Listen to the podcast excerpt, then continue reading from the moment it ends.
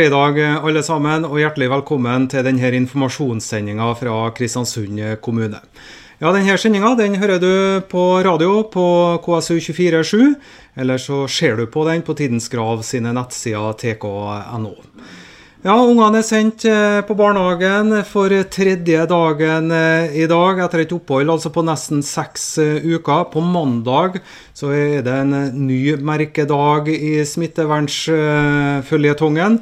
For da er det nemlig de yngste skolebarna som skal tilbake til sikkert det som er en litt annerledes hverdag for dem også. Men det tror jeg nok mye av skoleungene gleder seg godt til. Fra i dag av, god nyhet så kan vi igjen slippe ut eh, når vi tar ferga. Slipp å sitte inne i bilen hvis du ikke må. Eh, litt usikker på om det er sånn at du kan få kjøpt sveler og sånn. Ja, det lurer jeg på om det er på de aller største sambandene litt lenger i Norge, og ikke hos oss ennå. Og så opplyser også Fjordeien i sin pressemelding ikke helt om regimet for hvordan du betaler for overgangen skal foregå. Så det er nok antagelig slik som det har vært nå under koronaepidemien, at de noterer bilskilt og sånne ting. Så det er ikke noe kort eller kontakt mellom matrosene og bilistene. Ja, i dag så holder vi på sånn cirka til kvart over ett, halv to, tenker jeg. Vi får se. Hvis du har noen spørsmål til enten mine gjester eller sånn generelt, så er det bare å sende dem til korona, krøllalfa, kristiansund,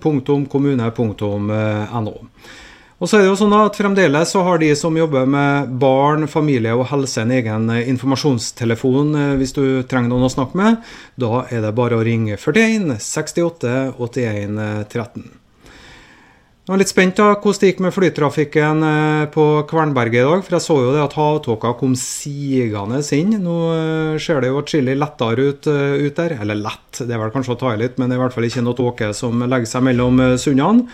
Uansett så slår vi fast at eh, flytrafikken den er i rute uten noen spesielle forsinkelser, også helikoptertrafikken. Og så dagens værvarsel for de neste tre dagene. Det blir nord- og nordvest bris, periodisk frisk bris på kysten, skiftende skydekke. Enkelte regnbyger med snøbyger over 400-600 meter. Og så jeg så trodd da at vi nå skulle ha dager med deilig sol og oppholdsvær her på Nordmøre. Den gang ei. Der var det vel noen som bestemte seg for at slik skulle det ikke være, nei. Neas har ingen driftsforstyrrelser. Skulle likevel eh, dukke opp feil, så ringer du Neas sin informasjonstelefon 7158 1000.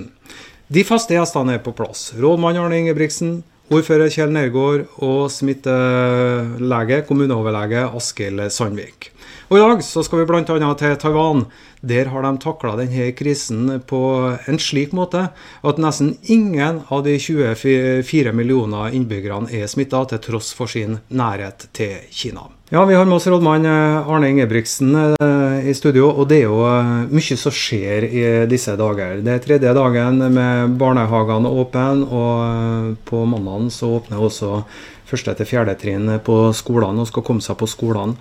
Eh, apropos det, Arne. I skolene så flytta dere jo en del av de ansatte. Det er jo ikke alle som jobber på skolene som er lærere heller, f.eks. Er assistenter og annet støttepersonell. Eh, de flytta dem inn i omsorgssektoren. Eh, hvordan løser dere det nå som eh, skolene skal tilbake til, i drift igjen? Ja, det er jo noe jeg bekymrer meg for om dagen. Det er sånn at det er kommet veileder både for skoler og barnehager samtidig så har vi mange andre veiledere, og fellesnevneren for de forskjellige veilederne er jo at uh, her har jo neppe de forskjellige departementene snakka noe særlig med hverandre. For uh, hvis man legger veilederne oppå hverandre i forhold til hvordan de mener at vi skal innrette skolehverdagen, hvordan vi skal ivareta sykehjemmene, så trenger vi ikke være 2000 ansatte, vi må være 3000 ansatte. Altså for begge anbefaler både eh, økt bemanning. Både helse, omsorg og skolene. Ja, De anbefaler ikke økt bemanning, men de anbefaler en organisering som krever økt bemanning. Mm. Det er jo uh, Sånn at i skolen så kan en jo oppleve at noen er hjemme, eh, trenger fjernundervisning fortsatt. Gruppene på skolen er innstilt sånn at man kanskje trenger en person til for å få til riktig gruppestørrelse, også barnehagene. Eh, som kombinert med at eh, har vi hatt Og det har vi heldigvis ikke, da, men hvis de kommunene som har smitte i sykehjemmene sine f.eks., må jo nødvendigvis oppbemanne der. Mm. med personer de ikke har, samtidig som skolen er innretta gjennom veilederen på en måte som gjør at man også trenger personer der som man ikke har. Og alt det der eh, totalt eh, utfordrer oss veldig. Samtidig så har jo pandemiscenarioet i forhold til veilederen fra Direktoratet for samfunnssikkerhet og beredskap bedt oss å legge opp til 40% sykefravær. Ok, Så det er jo en helt mismatch? Det er jo 50% differanse mellom det vi tror vi kommer til å trenge, og det som vi forventer at eh, Eller som de forventer at vi må planlegge for, da.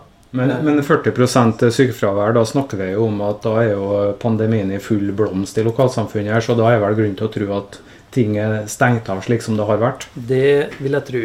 Og derfor er det jo veldig nyttig nå at vi fikk trena.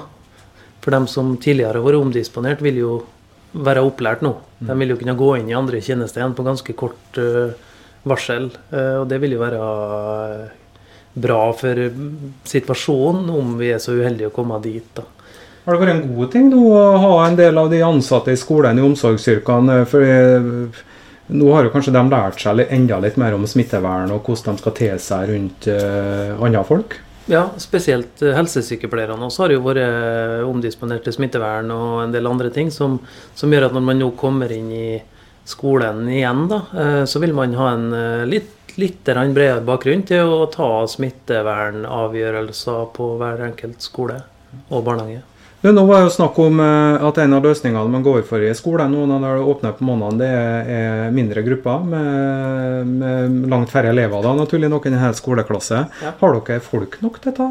Nei, det som jeg spurte jo, Vi hadde jo møte med enhetslederne i morges, og da spurte jeg jo en av rektorene der hvordan, løst, hvordan, de har løst det. og Da har man jo tatt uh, en del personell fra, dem, fra mellomtrinnet, som ikke er åpna ennå, ned i småtrinnet. Men det er klart, når man åpner mellomtrinnet, så må jo dem tilbake igjen. Eh, og det er det jeg mener med at eh, det begynner å bli litt krevende at veilederne totalt sett legger opp til at vi skal prøve å klemme to liter eh, vann på ei litersflaske. Mm. Men én ting er jo antall folk, en annen ting er jo kostnaden ved det hele. og La oss si at de må ha inn folk som ikke er i skoleverket per i dag. da, Så vil det jo bli en kostnadsgreie. og Har de noe signal på at, de, at det er noe som de får hjelp til i en pressa kommuneøkonomi? Vi eh, har jo kanaler, altså både gjennom KS, gjennom Fylkesmannen og forskjellige kanaler for å tilkjennegi hva er våre utfordringer, også av økonomisk eh, karakter, som vi forventer å få kompensert. Eh, men det er ikke kommet noen spesielle signaler på at vi får kompensert den utfordringa mm. eh, som, som, veilederne stiller oss overfor. Så jeg regner med at staten der egentlig ikke har noen planer om å kompensere for at veilederen utsetter oss for et, et, et ekstra press. da. Og så er det ikke sikkert vi klarer å løse det heller. altså Hvis uh, man jo uh, får et litt verre smittebilde enn vi har i dag, så vil man ha noen flere ut. Mm. Uh, og det gjelder hele samfunnet. Hvor skal vi da få tak i folkene hen? Det ene er nå at vi trenger dem, men det andre er nå hvor uh, finner vi dem? Ja, ikke sikkert de er Nei, ikke sant. sånn at uh, akkurat nå så føler jeg at den der fremtidige bemanningssituasjonen basert på hypotesene om at uh, man nå vil se et litt økt smittebilde, vil kunne utfordre oss i det øyeblikket, som du nevnte, at det er så ille at vi må virkelig begynne å ta grep igjen, så må vi jo begynne å stenge ned. Så litt av min jobb nå er å prøve å prioritere de veilederne i de forskjellige fasene i det som vi forventer blir videre pandemiforløpet. Hvordan skal vi eh, klare å bemanne på de områdene vi mener til enhver tid er viktigst å ha bemanning på? Mm. I Trondheim nå så hørte vi om en barnehageansatt som eh, etter å ha vært noen dager på jobb, da, eh, fikk påvist at han var smitta av koronasmitten. Slikt skremmer jo folk. Det er jo på en måte det man frykter da, når man skal åpne skoler og barnehager. Ja. Det er jo uh, selvfølgelig en uheldig situasjon for Trondheim å være i. Nå virker det som de uh, personene ble fanga opp ganske tidlig, da, og uh, sykdomsbildet rundt barna jo, står jo også i veilederen hvordan man skal håndtere det. Personlig så mener jeg jo at det første smittetilfellet i et sykehjem er så uendelig mye verre mm. enn den situasjonen Trondheim står i. Men selvfølgelig, man er jo redd for både smitte for barn og å bli påført smitte selv. Det kan jo være foresatte som er i risikogrupper, f.eks. Men uh, så lenge man følger uh, rådene, Altså god smittesporing, rett i isolasjon, karantene på dem som uh, har vært nærkontakter. Så vil man, som vi har bevist 19 ganger, klare å isolere 18 ganger, er vel, klare å isolere det smittetilfellet til at uh, samfunnet kan gå upåvirka videre, og så kommer de tilbake igjen etter noen uker. Så det vil jo bli vil jo bli sånn klyngevise nedstenginger i, over lengre perioder, da, selvfølgelig. Hvis vi skal stå i den strategien her lenge. Eh, nå har dere jo hatt eh, åpne barnehager i to og en halv dag. Eh, tar de med dere noe spesifikt eh, fra åpninga av barnehagene og inn i skolene nå som de åpner dem på mandag? Ja. Eh, en av de viktigste tingene, Nå har ikke jeg alle detaljene her, men Kristine kan jo svare på detaljene etterpå. Men en av de viktigste tingene jeg har sett, er jo bevisstgjøringa rundt hvordan man skal tilrettelegge smittevernet. En barnehage er jo selvfølgelig ikke en skole, men eh, når smittevernteamet nå har vært gjennom barnehagene, så har de gjort seg noen refleksjoner, og så har enhetslederne og ansatte gjort seg noen refleksjoner. Og dem tar vi selvfølgelig med inn videre inn i skolen for å klare å tilrettelegge det smittevernarbeidet på, på best mulig måte. Mm. Ja, og eh, Kristine hun kommer til oss litt senere i sendinga. Da er det snakk om eh, kommunalsjefen for skole og oppvekst, Kristine Reitan, som kommer inn i studio og forteller litt mer inngående hvordan det har gått både med barnehagene og hvilke tanker hun har rundt skoleåpninga. Takk til rådmann Arne Ingebrigtsen. Vi har fått eh, kommuneoverlege Askild Sandvik i studio for å svare ut litt om hvordan det har gått med skolene og barnehagene. Det skal vi høre om eh, etter hvert. Men eh, først, Askild. De strenge smitteverntiltakene fortsetter, og vi ser jo det at det er ganske sånn forsiktige endringer i de nasjonale tallene rundt antall smitta og innlagte. Hva er statusen i Kristiansund nå? Den er fullstendig uendra. Vi har de 19 påvist smitta, og det er nå da over to uker siden vi har hatt et nytt Eh, tilfelle. Er du litt overraska, over den? på noen måter ja, eh, men på andre måter nei. Altså, vi, har, vi, har, vi, har, fått veldig god kontroll på smitten gjennom både nasjonale og lokale tiltak. Men det er jo utrolig vanskelig å spå eh, fremtida. Vi har jo sett under denne pandemien her at uh, sannheter de er, de er ganske kortvarige. Mm. Men, men, det er klart at det er jo et kvalitetstegn at vi har uh, unngått nye smittetilfeller. Men det er klart, vi er spent på hva som skjer nå når, eh, når samfunnet åpner litt mer opp. Da. Men det må jo være et element av flaks her òg. Altså, kommer det jo et menneske utafra med smitte. og mm og, og går rundt og smitter folk, så, så, er jo ikke det noe dere kan ha kontroll på før de på en måte blir klar over den situasjonen. Klart Det var en, en person som kom fra Kina til Nord-Italia. Men det er klart at da fikk det lov til å operere under radaren i lang, lang tid. Eh, det som kanskje er forskjellen nå, er at nå står vi på en måte klar. Eh, altså vi, vi, står, vi, står, på en måte og venter på at, at ting skal komme. Tar vi tak i med en gang. Så nøkkelen videre nå i den fasen vi går eh, vi går frem med nå, det er jo at altså når tilfellene dukker opp, så er det testing, testing og karantene og, og isolasjon uh, som er virkemidlene. Det er altså smittesporing, og det er det smittevernarbeidet som, som, gjøres nå, som på en måte blir viktig mm. hvis vi skal klare å holde, å holde samfunnet så, så åpent som, eh, som, vi håper nå. Så må vi på en måte gjøre den ekstra innsatsen med å, med, med, med å få de som blir smitta, og de som blir eksponert over i isolasjon og i karantene. Og Det er jo på en måte det våpenet som dere har, da, å finne ut eh, hvem som mm. sprer eh, smitte. Ja. Eh, men så ser jeg at det sprer seg jo en liten frykt da, blant FHI sine talsmenn om at vi, vi vanlige folk er i ferd med å bli litt for slapp, og da kanskje særlig i forhold til avstandsregler. Mm. Vi mennesker er litt sånn ut av syne, ut av sinn. altså at når når noe står på som verst, så er vi veldig flinke. Men så har vi har, kan jo en evne til å, til å, glemme ting ganske fort. Og i mange sammenhenger så kan jo det være positivt. Men akkurat i den sammenhengen her så, så må vi opprettholde avstandsreglene bl.a. og hygienereglene. For det er jo de andre våpnene vi har å bekjempe det her med fram til vi får eventuell vaksine. Vi, vi har jo ikke noen andre våpen. Uh, sånn at Det er jo dem vi må bruke. Og, og, klart at hvis vi parallelt med å åpne opp Eh, samfunnet slappe av med resten, mm. så øker jo risikoen. øker jo antall kontaktpunkter mellom folk. Folk blir tettere, du får mer sammenstimling. Folk øh, blir mindre opptatt av, av, av, å vaske hendene. Så øker jo sjansen for, for oppblomstringa. Jeg har jo sjøl erfart nå i disse dagene her at jeg har vært i, i et rom med fem. Mm. Som er innafor, mm. med rett avstand og sånn. Og så kommer det et par personer til. Mm. Eh, og det skaper jo en litt sånn ekkel situasjon mm. der og da. sant? Eh, så helt til noen tar ansvaret og så sier liksom her. Nå er vi for mange. Mm. Man må i utgangspunktet forholde seg til den femmerregelen, ja. Og god avstand. Det Uh, og det er klart at uh, man må prøve å holde god avstand utendørs.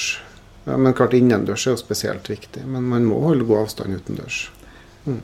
Nå, To og en halv dag med åpne barnehager, og på mm. mandag så åpner første til fjerde klasse mm. også på skoletrinnet. bør folk i de sårbare gruppene nå være mer forsiktige i omgangen med barn enn det de trengte å være tidligere? Mm. Vanskelig spørsmål. komplisert svar. Uh, nå er det jo uh, mye som tyder på at barn uh, ikke er spesielt smittebærere i stor grad. Blir heller ikke flestene heldigvis spesielt syke. Det er jo kun påvist at ti barn under fire år i Norge som er, på, som er påvist syke. Sånn at i utgangspunktet så er er jo barn eh, lavrisikopersoner å være sammen med. Men det kan jo tenkes at de barna som får det, får det så mildt at de da vil spre smitte. Så, så problematikken er litt tosidig, samtidig som vi må si at når vi ikke har nok kunnskap, så må et føre-var-prinsipp gjelde. Og, og, her har vi ikke den fulle kunnskapen om det. Og da tenker jeg at er man i risikogruppa, så må man være forsiktig med kontakt med alle inntil videre, ikke, ikke bare barn. Og, og, og, har du er du over 65 år, har flere risikofaktorer uh, som, som, som, kroniske sykdommer, så må du være påpasselig. Mm. Og, det, og, det, er klart at sånn som du sier, når samfunnet åpner mer opp nå, så kanskje det er, det er ekstra viktig. Og det, det, er jeg enig i. Men det, men det er komplisert vurdering. Uh, men i utgangspunktet så anbefaler jeg at folk i risikogruppene nå, de er forsiktige. Så er man eh, bestemor og 75 år, har 15 barnebarn, så er, bør kanskje ikke de barnebarna stå i rad og rekke for å gi bestemor en klem. Det vil, det vil øke risikoen for smitte til bestemor. Og vi ønsker at bestemor skal være frisk. Mm. Det, det, er jo selvfølgelig å bruke Mange besteforeldre er jo flinke å bruke ja, FaceTime og alt det der for, uh, for kontakt. Det erstatter ikke den, den, fysiske kontakten.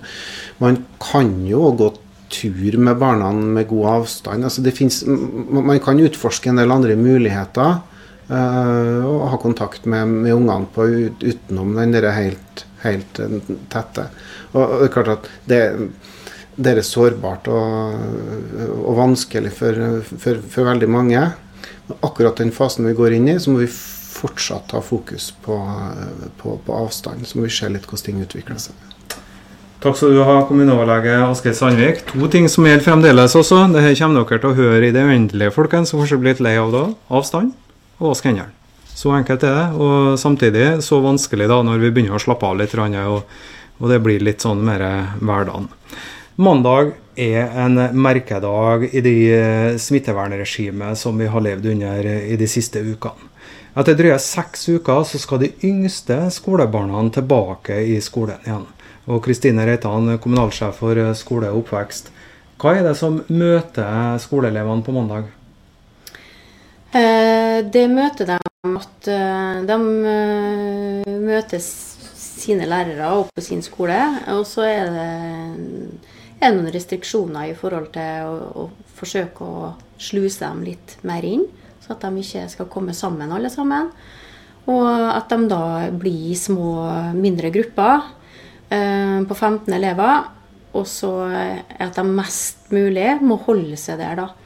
Både på uteområdet og inne og, venns, og på vennskap. Så skal en måte holde seg til dem sammen.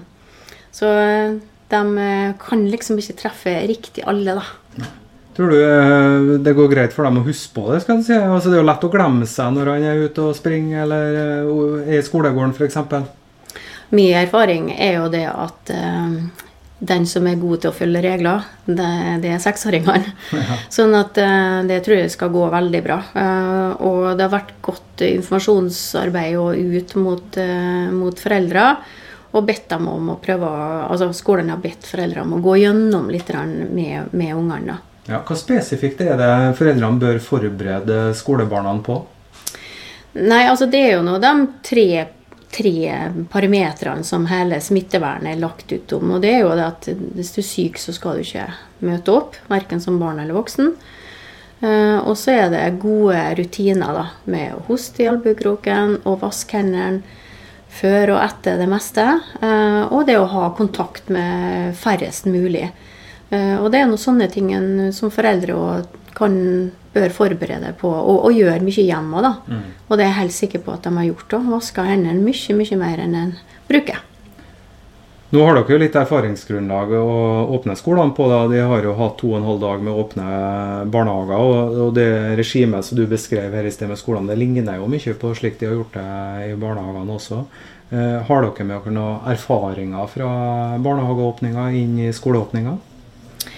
Ja, det, altså en erfaring er jo det at vi har uh, hatt veldig god nytte av at smittevernteamet har vært ute og veiledet alle barnehagene. Uh, og at det har kommet veldig mye godt ut av det arbeidet. Uh, og det samme har vi gjort nå med skolene. Mm. og jeg har fått lov å vært med kommunelegen sjøl ute på ett besøk på, på en skole. Og jeg er både imponert over hvor godt skolene, den skolen i hvert fall, var godt forberedt til møtet. Og òg hvor, eh, hvor, godt kommunelegen og hans smittevernteam jobber sammen med skolene. På bakgrunn av det du har sett, da, også når du har vært ute, ut på skolene, er det trygt å sende ungene sine til skolen? Ja, det er trygt. Vi stoler på helsemyndighetene våre. Eh, det som ligger bak eh, beslutninga om å åpne skolene og barnehagene, det er basert på, på godt grunnlag. Og vi, vi velger å stole fullt på det. Og så har de gitt oss veiledere som vi har vært ganske strenge med å følge. Mm. Eh, kommunelegen har ikke vært nådig ute der. sånn at, eh, sånn at vi, vi, følger opp alle myndighetene sine råd. Og ut fra det, da, ja, vi kan stole på at eh, i Kristiansund så er det trygt å komme tilbake igjen på skolen. Nå er jo ikke du noe spåkone, naturlig nok. Men eh, hvilket tidsperspektiv tenker du at vi snakker om? Hvor, hvor, lenge kan de her tiltakene vare? Eller kanskje lettere å spørre, hva er det som må til for at vi skal tilbake til normalen? Eh, jeg tror nok at det, hva som skjer på smittesida eh, etter den åpninga som skjer nå, ikke bare med skoler og barnehager, men også ellers ute i samfunnet, at eh, hvis vi da får en veldig oppsving på smitte, så kan det gå lenge. Eh, så Derfor er det veldig viktig at andre forholder seg til de retningslinjene som ligger. da. At ikke en tror at nei, nå er vi, er vi ferdige. For det er vi ikke. Nå eh, er det jo som nevnt første til fjerde klasse som skal begynne på mandag. Når er det de andre elevene skal tilbake på barne- og ungdomsskolene? Det vet vi ikke. Eh, det eneste vi vet, er at eh, vi nok kommer til å kanskje å måtte skje på ganske kort varsel. Eh, fordi at veilederne nå er jo klar. Vi trenger ikke å vente på en veileder. Veileder for, for første til sjuende ligger klar ut, og for ungdomsskole og videregående skole ligger klar ut. Så det jobber de med i skolen nå, og gjør seg klar. Så det kan godt hende at det, det, Jeg tror ikke det blir ei ukes varsel på neste åpning. Skoleskyss, da, Kristine Reitan. Nå ser vi jo rutebussene kjører med sånn sperrebånd på annenhver eh, plass. Eh, blir det lignende ordninger på skoleskyssen også? Og Det ligger jo i veilederen det også, om hvordan en skal være eh, i bussen. Altså en fireseter kan brukes bare av to. Uh, og, og, fylkeskommunen er jo dem som er ansvarlig for å sette opp bussene. Og det er nær dialog da med med, med, fylkeskommunen og skolene i forhold til det å få kartlagt hvor mange som vil bruke skoleskyss. Mm. For det, hvis det er behov for å sette inn mer skoleskyss, så er jo det da fylkeskommunen sitt ansvar igjen. Eh, men i veilederen så oppfordres det jo til å bruke minst mulig kollektivt. da. Sånn at eh, vi må jo appellere til at eh, foreldre fortsatt er med på dugnaden og kanskje tar og Vi Ellers så liker vi jo ikke så godt at foreldre kjører ungene sine, da. men uh, akkurat nå kanskje de skal gjøre det. Eller kanskje de kan gå. Ehm, til slutt, Uh, skolene er jo også SFO, skole- og fritidsordninger. Eh, hva skjer der da i forhold til uh, hvordan situasjonen de har havna oppi? Ja, og der har vi jo, har vi jo altså, For det første så går skole og skolefritidsordning litt i hverandre eh, nå. Eh, Det handler om at skolene skolen må planlegge på en helt annen måte. Men, eh, men eh, vi har måttet kutte ned på åpningstida eh, for å få bemanninga til å gå opp med de smittevernforskriftene som ligger. Så det vil ikke bli gitt noen morgentilbud på SFO. Og det gjelder for da dem, altså alle, alle mann alle. Men så er det jo sånn at eh, reduserte åpningstider gjelder ikke for dem som, har samfunns, som er av samfunnskritisk personell. Men vi er helt avhengige av at folk hjelper oss og bruker egentlig SFO så lite som mulig. Eh, og når det gjelder samfunnskritisk personell, så har vi valgt å være ganske strenge i tolkinga vår her. Eh, KS har ei fortolkning der de sier at eh, det er folk som har en, har en jobb, en rolle i, i å jobbe rundt covid-19. Det er riktig. Ja. Og vi velger å holde oss til den strenge linja. Hvis ikke får vi det rett og slett ikke til å gå opp. Og det er ingen som er tjent med at vi går hø høyt ut nå, og så er vi kanskje nesten nødt til å stenge ned mye mer etter, etter kort tid. Så nå, eh, med barnehageåpninga og småtrinnene på, på skolen, så selv om de åpner, så betyr det at eh, foreldre, og ikke minst da arbeidsgiverne til foreldrene, fremdeles må være litt tålmodige og slekke litt med at man kan komme litt senere på jobben fordi ungene ikke kan leveres på SFO for morgenen osv. Ja, Rådmannen var inne på det. Det er- ligger noen veiledere der som egentlig krever mer personell enn det vi har. På mange områder, også på barnehage og i skole. Eh, og vi greier ikke å trylle fram det, sjøl om vi bruker eh, både utvider stillinger og bruker vikarlistene våre, så greier vi ikke å, å holde, holde det servicenivået som, eh, som vi ellers gjør, da, med fulle åpningstider. Men det går aldri på bekostning av smittevernet. Derfor er det trygt å komme. Det er viktig å ta med seg. Tusen takk skal du ha, Kristine Reitan, som altså er kommunalsjef for skole og oppvekst her i Kristiansund kommune. Og Vi skal holde oss på skolen vi nå sånn musikalsk sett, for eh, jeg bruker ofte å si at eh, jeg har gått eh, flere år på høyskolen, og da snakka jeg om den høyeste skolen i byen, selvfølgelig, Hallandengen eh, skole. Og de fylte 100 år i fjor, og vi skal høre det beste i verden her fra forestillinga deres i Bråttan.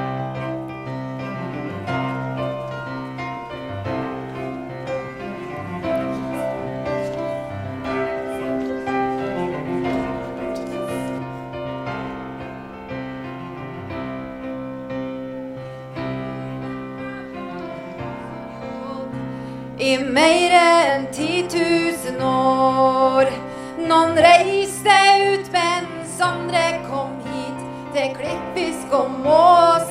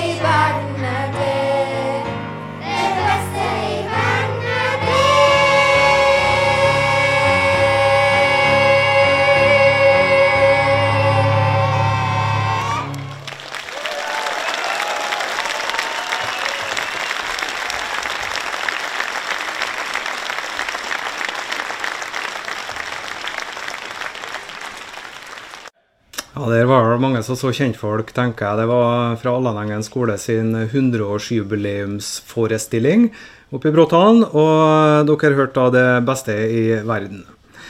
Ja, en del bedrifter blir jo svært hardt uh, ramma av hele problematikken rundt covid-19. I så måte så tror jeg også at Per Gynt eh, Travels, eh, eller Tours, som driver med gruppereiser, er blant de bedriftene. Ja, Per Øyne Dyrnes fra Per Gynt eh, her i Kristiansund. Er det noen som reiser med dere i hele tatt nå om dagen? Nei, nå er det rimelig skralt med folk, ja. Det er stort sett bare avbestillinger. og... Er det snakk om noen bestillinger? da? Nei, det har faktisk ikke vært noe de siste månedene. Ja. Hva, ja, hva betyr det for dere? da? Hvor mye folk er dere på jobb nå? Nei, nå er vi 85 eh, permittert. så det, Her begynner det én person i halv stilling. Og rundt omkring på de øvrige kontorene så er vi jo bare noen få sjeler igjen. Så Det er jo for å ta seg av eh, kontakt med kunder, for mange lurer jo på hva som skjer fremover. Ja, For det er jo mange av kundene deres som sitter på gjerdet inntil det siste. Og, for de har jo lyst på tur sånn i Jo da, det, det, det er alle som vil. Vi håper jo det. Men eh, samtidig så forstår vi jo at det er grunnlag for å være skeptisk. da, så eh, Ja. Det er det. Men det er, jo en, det er jo en prosess da med å vente når du kan kansellere en tur. eh, Når, når blir dette over? Poenget er nå at eh, vi, eh, vi skal i hvert fall være klar den dagen at verden er blitt normal igjen, til å tilby massevis av turer rundt omkring i Europa. Ja, og det er jo det som er litt eh, deres domene Ja, ja, ja. ute i den store verden, i hvert fall i Europa. Um, en, med tida som kommer, det er jo visse ting som tyder på at nå kommer folk til å reise i, i Norge, nordmenn i Norge. Kommer de til å justere tilbudet deres eh, deretter, eller? Det kommer vi til å gjøre. Vi tilpasser oss det markedet som vil være der. Og vi har jo allerede i flere år hatt f.eks. rundreise i Finnmark. At vi flyr oppover dit og reiser rundt og ser på alle, alle mulige ting oppi det. Og vi har Lofoten, og vi har satt opp turer til Bodø, vi har eh, nedover til Bergen, Flåmsbanen. Så vi er, vi har, bakgrunnen vår er jo mye turer i Norge, så dette kan vi. Ja. Så jeg regner med at det vil bli fokuset fremover, eller? Ja, det vil jeg på og, eh, Det blir en kombinasjon med Europa, for Europa vil jo også etter hvert komme tilbake. Det er jo eh, ikke helt sammenlignbare turer, men uh, Norge er jo et fantastisk reiseland. så Utfordringene våre kan være at uh, hovedgruppa på påtegningsturer er jo seniorer. Og de tror jeg i stor grad vil være litt skeptisk til gruppereiser uansett, i år iallfall. Ja. Så i hvert fall når det gjelder sommersesongen. Du, nå løsnes det jo litt i det her grepet om samfunnet. Mm. Ser dere noe tegn til lysning eh, nå som det har eh, blitt litt mindre strengt i samfunnet ellers? Ikke foreløpig, av den enkle grunn at vi er jo avhengig av hva som skjer i de ulike landene nedover Europa. Så langt. Så vi følger UD sine reiseråd. Da. Det er dem vi følger helt og holdent. Folk som nå sitter på gjerdet, som har hatt en bestilling kanskje i flere måneder hos dere, er det bare å avbestille for dem, eller eh, vil de eh, måtte betale noe, f.eks.? Hvis de gjør det i egen regi, så må de ta det med sitt reiseforsikringsselskap. Men hvis de sitter på gjerdet og venter til det blir en formell kansellering, så vil de uansett få pengene tilbake fra oss. Uansett hva de har betalt inn. Så. Enn en dere nå, da, i Per Gynt uh, Tours. eh, Får de noe støtte fra det offentlige? De for klarer dere godt økonomisk gjennom den krisen her? Nei, Vi trenger støtte, det er ikke noe tvil om. Eh, Det er jo ikke helt avklart ennå. Det er åpna noen eh, muligheter på faste kostnader foreløpig. Største utfordringa så langt er jo det at vi skal betale tilbake mye til mange av gjestene våre. Det kommer etter hvert, men det tar jo tida når vi er lite folk på jobb og sånne ting. da. Det er jo ikke den eh, veien du har lyst til å se penger? Nei, etter 38 år i bransjen så har jeg nå sett at de pengene har gått andre veien. ja. Ja, ikke sant, det vil jeg tro. Og eh, dere har jo vel sikkert aldri opplevd noe lignende? som Nei, jeg har jo ikke vært uh, borti maken. Jeg har jo vært så lenge i bransjen. Jeg husker når Tsjernobyl at Ja. det kom jo, Folk var jo skeptiske da òg, men eh, det, det kom jo en ny verden etter den òg. Så, så vi, vi, vi har tro på fremtida. Men vi vet jo ikke hvor fort det kommer tilbake. Heldigvis så ser det nå ut for at det er en relativt grei kontroll på dette her i, i Norge per nå, da, så vi får nå bare håpe at vi ikke går så altfor lang tid før vi kommer til normalen. Ja, jeg tror at Norge ligger vel eh, nesten i førersetet i forhold til mange andre land. For hvert vi har med å gjøre, for vi, vi så jo det at på statistikkene i begynnelsen at det her kan ikke stemme. Og det viste at den plutselig ble offisielt, da, så hagla det inn på en del land som vi satt med grupper på. Ja. Og da ble jo det ikke tillatt å reise dit heller, da. Du har ikke noen gruppereiser til Taiwan? Det har vi ikke. Ikke eh, nå, vi hadde det tur som skal på høsten, men eh, Å, det var det, ja? ja, vi har vandreturer faktisk i den store verden. Ja, ja. Så, ja, det så det er en, av våre store produkter, faktisk, å dra på vandreturer i Europa og rundt omkring i verden. Ja. Vi skal i hvert fall til Taiwan ganske snart nå. Takk for at du kom. Det var Per, Une Dyrnes som er fra Per Gynt og han er avdelingssjef i Midt-Norge. Og Da skal vi til andre sida av jorda. Vi er nesten så jeg ikke tror det vet du, når en ser det fine bildet som vi skal få se etter hvert her. Eh, Claes Sivertsen fra Taipei på Taiwan jobber innen teknologi og har opplevd denne krisa fra et helt annet perspektiv. Hvordan påvirker covid-19 dagliglivet i Taiwan, Claes? Ja, hei sann, Roar. Eh, Det livet i Taiwan her er faktisk eh, vært nesten helt normalt. Det er ikke butikker eller skole. Kollektivtransporten har vært åpen hele tida, faktisk. Eh, Det eneste som har skjedd, det er jo de eh, reglene for eh, distansering. Du må bruke maske på offentlige. De tester alle som kommer inn på fly. Det har de gjort helt siden januar, faktisk. Og eh, så en, altså Grunnen til at det er sånn her, det er jo pga. det som skjedde i, i 2003. I 2003 var det jo SARS-epidemi her. Og Det varte jo fra mai til juli 2003, faktisk. Og Da var jeg i Taiwan på forretningsreise. Og da lærte jo taiwaneserne veldig mye om, det, om hva de skal gjøre i en sånn situasjon. Så jeg tror nok eh, de var veldig forberedt altså, på det her. Ja, det er jo nesten 24 millioner innbyggere i Taiwan. eh, Og så ligger det jo eh, like ved Kina. Hvordan er smittetallene der nå? Smittetallene her er at per i dag så er det 428 personer som har blitt eh, påvist smitta med PCR-test. Så av de da, så er det 400, eller unnskyld, er 264 som er blitt eh, friskmeldt. Og Det betyr da at de har blitt påvist at de får, eh, har fått bygd opp antibody mot eh, covid-19. Og så er det da seks personer som er døde. Så det er jo ca. en prosent. da. Eh, Og de som er døde, det er jo eh, 10 av dem eh, har eh, eh, dødd rett og slett av eh, viruset, mens resten hadde en eller annen underliggende immunforsvarssvikt, et en som hadde kreft f.eks. Så det er tallene per i dag. Ja, og Det er jo ganske oppsiktsvekkende. Jeg tenker på et land som har så mye innbyggere, og som tross alt eh, er jo hakket mer internasjonalt enn det vi har her i Norge. og så må, Det viser jo at de grepene som taiwanske myndigheter har gjort, fungerer godt. Ja, og det er veldig viktig å, å lære fra det, kanskje, for andre land òg. Sånn som i Norge. Det er jo veldig, veldig enkelt å og kanskje å tro at eh, vi her ute på Svabergene er ingenting som kommer til å skje hit, her. Men det, det viser seg jo det at eh, viruset sprer seg, og det her er jo et, eh, noe som har spredd seg over hele verden ganske fort. Så Men, men Ja. når, eh, de har så gode tall å vise til med de tiltakene de har gjort, er det såpass inngripende tiltak at det ikke ville ha vært spiselig her i Norge, eller tror du at de tiltakene man har gjort eh, også kunne ha fungert eh, i Norge? Ja, det, det som har Altså, det er jo enkelte ting som har med kultur å gjøre også. For eksempel, så I Taiwan så er det veldig, og i andre steder i Kina også, er veldig vanlig å bruke maske for dem som er syke. Mm. Så hvis det er noen som føler at de har hoste, de har feber og kanskje skal ut en tur, så har de på seg maske. ikke sant? Så det er jo en, rett og slett en stor kulturforskjell. Så eh, jeg vet ikke om det er lett å innføre igjen, men det er jo i hvert fall én ting. Så den andre tingen det er at hver gang du går inn på et postkontor, offentlig bygning, hver gang du tar taxi, eller da står det folk med en sånn maskin som dette her, og, og trykker på. Og da tar de temperaturen. Og så sjekker de at den er under eh, 36 grader, eller 35 grader ca. Så det gjør de absolutt overalt. Og en ting til. Og da slapper de med har, eh, hvis du har eh, feber? Nei, hvis du har feber, så blir det tilkalt eh, De har et nummer, et nummer de ringer, og så kommer det noen og så eh, hjelper dem for å, for å få sjekka og testa om de har eh, smitte.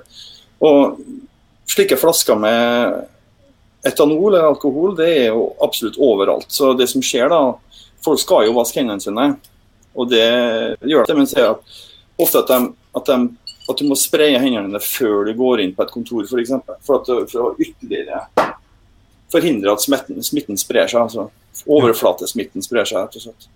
Men Så nok, det, jeg vet ikke om det, Du tror at eh, slike tiltak kanskje kunne vært gjort hjemme også? ja, det er ikke mulig, det. Men, men, men de tingene som du nevner her nå, er et av ting som de også gjør før covid-19 viste sitt ansikt, eller er det nå mens det pågår? Ja, det er jo eh, det er jo en stor by med mange folk eh, og tett, så det har vært veldig vanlig å, å ha alkohol på offentlig kontor, sånn at du vasker hendene og du får en sprut med alkohol på i hver håndflate, og så gnir du sammen før du skal skrive inn på papir eller ta i pennen. og sånt, sånt, sånt. Så det har egentlig. Men Nå, eh, eh, jeg må jo si at det er jo etter SARS, det er jo etter SARS eh, at de virkelig lærte seg at, at de ikke stoler på den informasjonen som kommer fra Kina, f.eks. Det, er jo- det var jo folk fra Taiwan CDC som var på besøk i Wuhan eh, i Kina allerede i desember, og som varsla World Health Organization om, om eh, det de så og rapporterte. Så her har de vært veldig flinke på sånne ting. altså. Ja, det høres jo ut som det å kikke til Taiwan eh, er et svært godt eh, råd her, eh, altså. Det skal nok ikke skje bort ifra at norske helsemyndigheter gjør det også, det bør de i hvert fall gjøre. Takk skal du ha, Klas Sivertsen, som var med oss direkte fra Taipei i Taiwan, der de altså har noen få hundre smitta, til tross for at de da har en befolkning på 24 millioner innbyggere, og ligger da rett utafor kysten til Kina. Ja, Samtidig som at eh, samfunnet gradvis åpner opp, så vil jo de mest sosiale av oss eh, trekke til kafeer og andre serveringssteder. Torbjørn eh, Sagen har kommet inn i studio. Torbjørn, du er jo beredskapsleder og også ansvarlig for skjenkekontroll. Hvordan har det gått nå da, denne tida med at det har vært litt lette på restriksjonene i samfunnet? Ja, Vi ser jo det at det åpner jo mer og mer nå, da. Og vi kan jo se de restaurantene som har faktisk hatt lov til å ha det åpent, har jo stengt ned for det har ikke vært noen kunder eh, inn til dem. Så de begynner å åpne opp eh, nå, for nå er det mer folk ute på byen. Eller eh, ute, i, ute i sentrum, da. Eh, og, og klart, de spisestedene som eh, får lov til å ha åpent, de eh, benytter jo sjansen nå da, til å åpne opp og, og se om de kan tjene seg en krone. Og det er vi jo eh, for. Eh, men jeg, ser jo det at eh, veldig på, påpasselig med å si at det vi åpner ikke er noe som er utgangspunktet stengt eh, fra lovverket. Så puber og barer og sånne ting, det er jo stengt. Og vil, det, vil bli det i framtida òg. I hvert fall en god stund framover. Jeg ser jo at det er en del som opplever det som litt urettferdig. Ja, det kan jeg godt forstå. Men, eh, men klart, eh, hvis du bare serverer øl og drikkevarer, så, så har, er ikke grunnlag for å åpne opp da, og det er spesielt i Ja, hvorfor ikke? Nei, Det er jo da en eh, statlig lov, eller i, i forskrift, i paragraf eh, 14. eh, viser jo tydelig hvordan eh, eh, Eller sånn eh, Restauranter som kan ha åpen, da. Og det de med kulturarrangement i paragraf 13, så kulturarrangement og idrettsarrangement det er jo stengt. Så, så, så det er kun spisesteder som får lov til å ha åpent. Og da er det jo eh, i og for seg matservering og alkohol, da. Eh, kan selge alkohol. Eh, så det, det er jo ikke alkoholen som er faktisk er i, på førsteplass, da. Det er maten. Det er maten som er på førsteplass, og så ser vi at de tar seg et glass i tillegg med noe, noe, noe godt i glasset. på å si. Ja. Det er kanskje ikke så mange, men en del inntar vel kanskje hoveddelen av sine måltid på en restaurant. Ja, det er faktisk det. det er jo, vi har jo faktisk en stor eh, eh, reisevirksomhet. Om du tror det eller ikke, så har vi jo mange som skal ut i Norskehavet eh, fra Kristiansund. Som må være hen eh, i en karantene over lengre tid. Eller at de er innom i sånn cruiseskifte og sånne ting. At de er innom et par dager før de skal gå, gå videre. Og, og klart, de må nå få seg mat, de òg. Ja. Du, eh, når folk nå da går ut for å få seg en eh, på de eh, serveringsstedene som er åpne, hva er det de må huske på? Da skal du følge henvisninga til dem som driver uteplassene. Vi har vært på de fleste uteplassene og gått gjennom med smittevernlege både én og to og tre ganger for å gå gjennom at vi ser at det er trygt for befolkninga. Men samtidig så må vi passe på det at vi som befolkning vi må passe på å ta våre forhåndsregler. At vi går ikke og setter oss oppi eh, hvis vi føler at det er for trangt. Du må litt, være litt sjølkritisk. Og så at vi følger rådet om å sprite oss og vaske hendene godt når vi tar på ting. Eh, og så er det Vi har jo redusert antallet eh, sittegrupper betydelig på de plassene som eh, har åpent. Og at det skal være trygt og god avstand mellom eh, bordene og mellom personene. da. Ja. Men klart, er det familiegrupper på fem-seks eh, stykker som til vanlig er sammen, så er det jo ikke noe problem at de setter sammen. da. Så vi, vi kan være trygge på det hvis du kikker inn i vinduet på en restaurant, og så ser vi det at det ser ganske fullt ut. Ja. Så er de på en måte Da sitter de på plasser som er det rett å sitte på med tanke på dagens situasjon. Det er i hvert fall det som vi har prøvd å lagt til rette for. At det kan forekomme brudd, det, det kan det sikkert gjøre. Men eh, vi har i hvert fall snakka med alle som har eh, åpent, og de har veldig stor forståelse for det, de tiltakene vi gjør. Og, og de prøver å legge til rette at vi er trygge alle sammen. da. Men eh, ja, man følger jo nasjonale regler her. Er det ikke for strengt? Eh, Det har jeg egentlig ikke gjort meg noe sånn spesiell eh, oppfatning om. Altså, for at eh, Klart det har jo vært enklere hvis vi kunne ha bare stengt ned alt. Eller åpna alt. Men eh, det er vel sånn at når du får deg noen glass kanskje for mye, så er det kanskje ikke smittevernreglene du tenker mest på. Så jeg har en viss forståelse for at vi har en, en restriktiv holdning nå, da. Eh, en stund til framover. Eh, hva vil dere utføre av kontroll nå i tida som eh, kommer, eh, Torbjørn Sagen? Ja, vi kjører jo da vanlige kan du si, kontroller, men vi, vi har jo gått med den biten at vi har hatt veiledning og instruksjon. Eh, først eh, Nå kommer ikke vi med pekefingeren og sier at du må gjøre sånn sånn, eller vi stenger. Men vi har gått opp og kikka på hver en plass eh, som vi har følt at det har vært noen utfordringer med, og så har vi rettleda eh, folk da til, eller eh, innehaverne til å eh, få litt mer plass og få litt mer struktur på ting. Så vi har laga opp en veileder som ligger på hjemmesida til, til kommunen. da.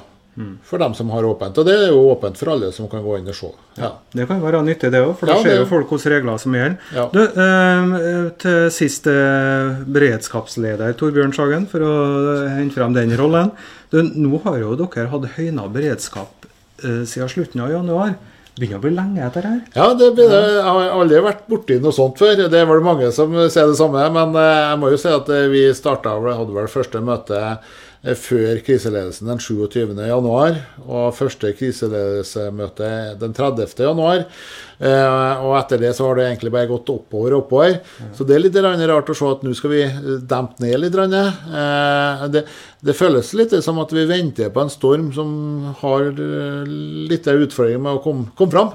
Eh, og jeg håper at den ikke kommer fram. Eh, men vi har jo Jeg må jo nesten si at vi har jo planlagt det som vi greier å se fram i glasskula at vi har planer for det meste.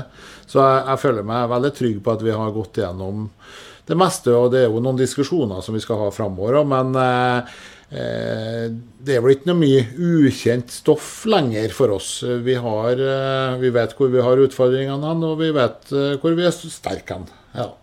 Ja, det har jo eh, I og med at det ikke har vært det store utbruddet, som du sier, så har det i hvert fall vært anledning til å prøve maskineriet uten at det store trykket har vært. Ja, og vi kan jo si at vi, vi fikk jo noe pepper på den eh, såkalte søringkarantenen.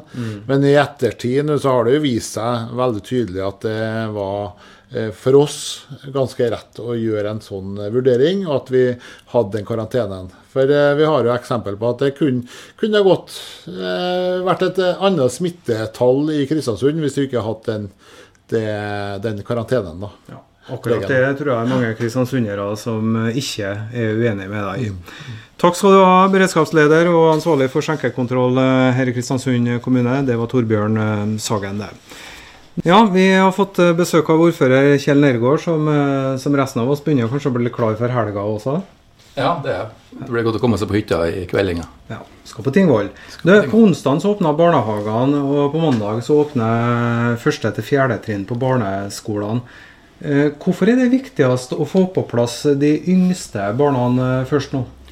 Det jeg tror regjeringa bestemte seg for, at eh, når de først skulle åpne gradvis, det var å ta de yngste først, fordi at de er jo avhengig av å ha en person hjem sammen med sin en voksen en. Så når de sender ungene i barnehagen og skolen, da, så kan også foreldrene komme seg på jobb for dem som har muligheten til det. Så jeg tror det var tanken bak å åpne for de minste først, og ikke de eldste.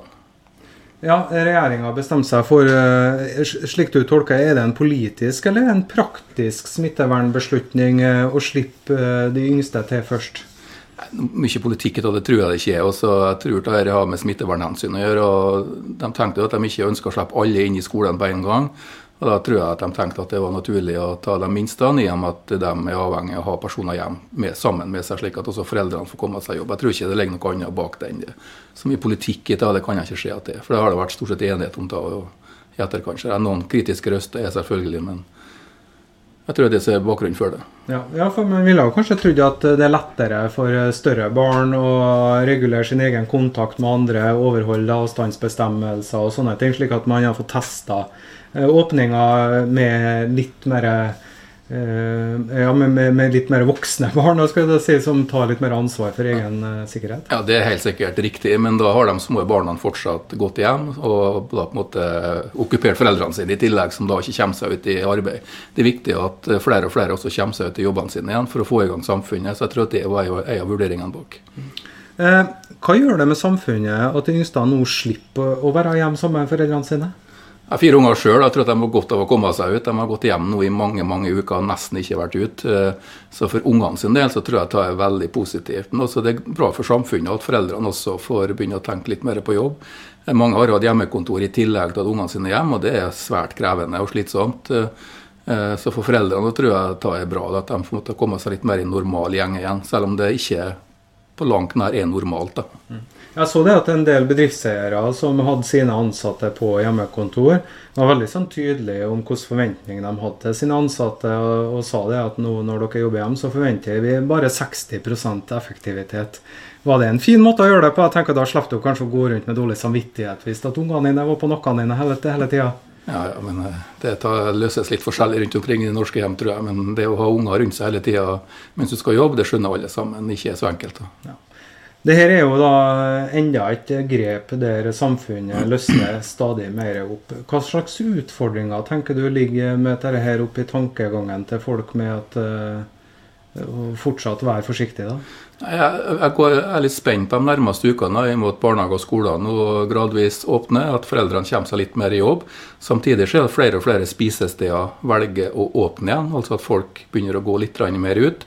De skal selvfølgelig ta hensyn dem og til avstand og slike ting, men altså, uansett så vil jo folk møtes litt mer enn før. Så jeg er litt spent på de nærmeste ukene i forhold til smitte, da, for smitten er jo en plass. Så jeg oppfordrer folk til fortsatt å ta hensyn til de retningslinjene som er gitt, både fra oss og fra sentrale myndigheter. Nå har ikke jeg fulgt med så veldig med, med, med andre kommuner, men det at det bare har vært 19 bekrefta smitta eh, her i Kristiansund, det oppleves i hvert fall som ganske oppsiktsvekkende. Eh, hva tenker du om det? Ja, og så er det mange uker så vi hadde et nytt smittetilfelle. Så vi hadde mellom som gjør at folk kanskje holdt seg litt mer i ro. Da. Så det, vi er veldig fornøyd så langt. Og så får vi se om eh, den gradvise åpninga av samfunnet medfører at det blir mer smitte. Men, så vi øker jo testkapasiteten bl.a. Nettopp for å kunne nettopp teste for å se om det, se om det øker. Da. Så vi er litt spent. For jeg må jo gjøre regning med at det vil bli flere enn 19. Det gjør vi regning med, ja. ja. Du får ha god helg på hytta. Vask fingeren og fingrene med deg, og hold avstand. Det skal jeg gjøre. Ja. Takk skal du ha, Kjell Nergård, som skal på hytta, og eh, ordføreren vår, Erik Kristiansund. Vi gjør som vi bruker. Vi sender dere inn i helga, vi, og med slutten på den sendinga her, Vita Lux. Her er Frode Alnes, Arild Andersen og Stian Karstensen. Ha ei en fin helg, folkens.